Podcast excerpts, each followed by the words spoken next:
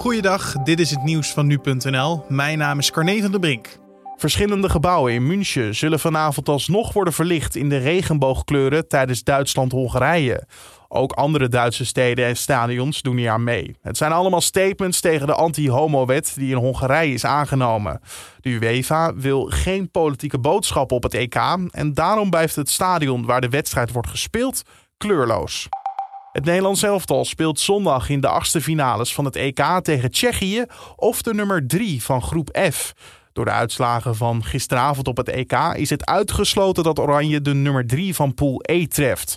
Tsjechië zou dus een mogelijke tegenstander zijn. En de nummer 3 uit groep F kan Portugal, Frankrijk, Duitsland of Hongarije worden. Vanavond weten we het zeker als alle groepswedstrijden zijn gespeeld. Een Nederlandse journalist is ruim een week geleden op het Griekse eiland Idra opgepakt. Ze zou een Afghaanse vluchteling onderdak hebben verleend, wat volgens de Griekse wet niet zou mogen. Het tweetal kwam na een dag weer vrij en de journalist kan een gevangenisstraf en een boete van 10.000 euro krijgen. Noemt het alarmerend dat de correspondent die kritische stukken schrijft over het Griekse vluchtelingenbeleid is opgepakt. En we blijven in de journalistieke hoek, want het nieuwsgebruik en het vertrouwen in nieuws in Nederland is in het afgelopen coronajaar toegenomen. We gebruiken dagelijks vaker nieuws en gebruiken dan vooral nieuws online en op televisie. Zo blijkt uit een rapport van het Commissariaat voor de Media.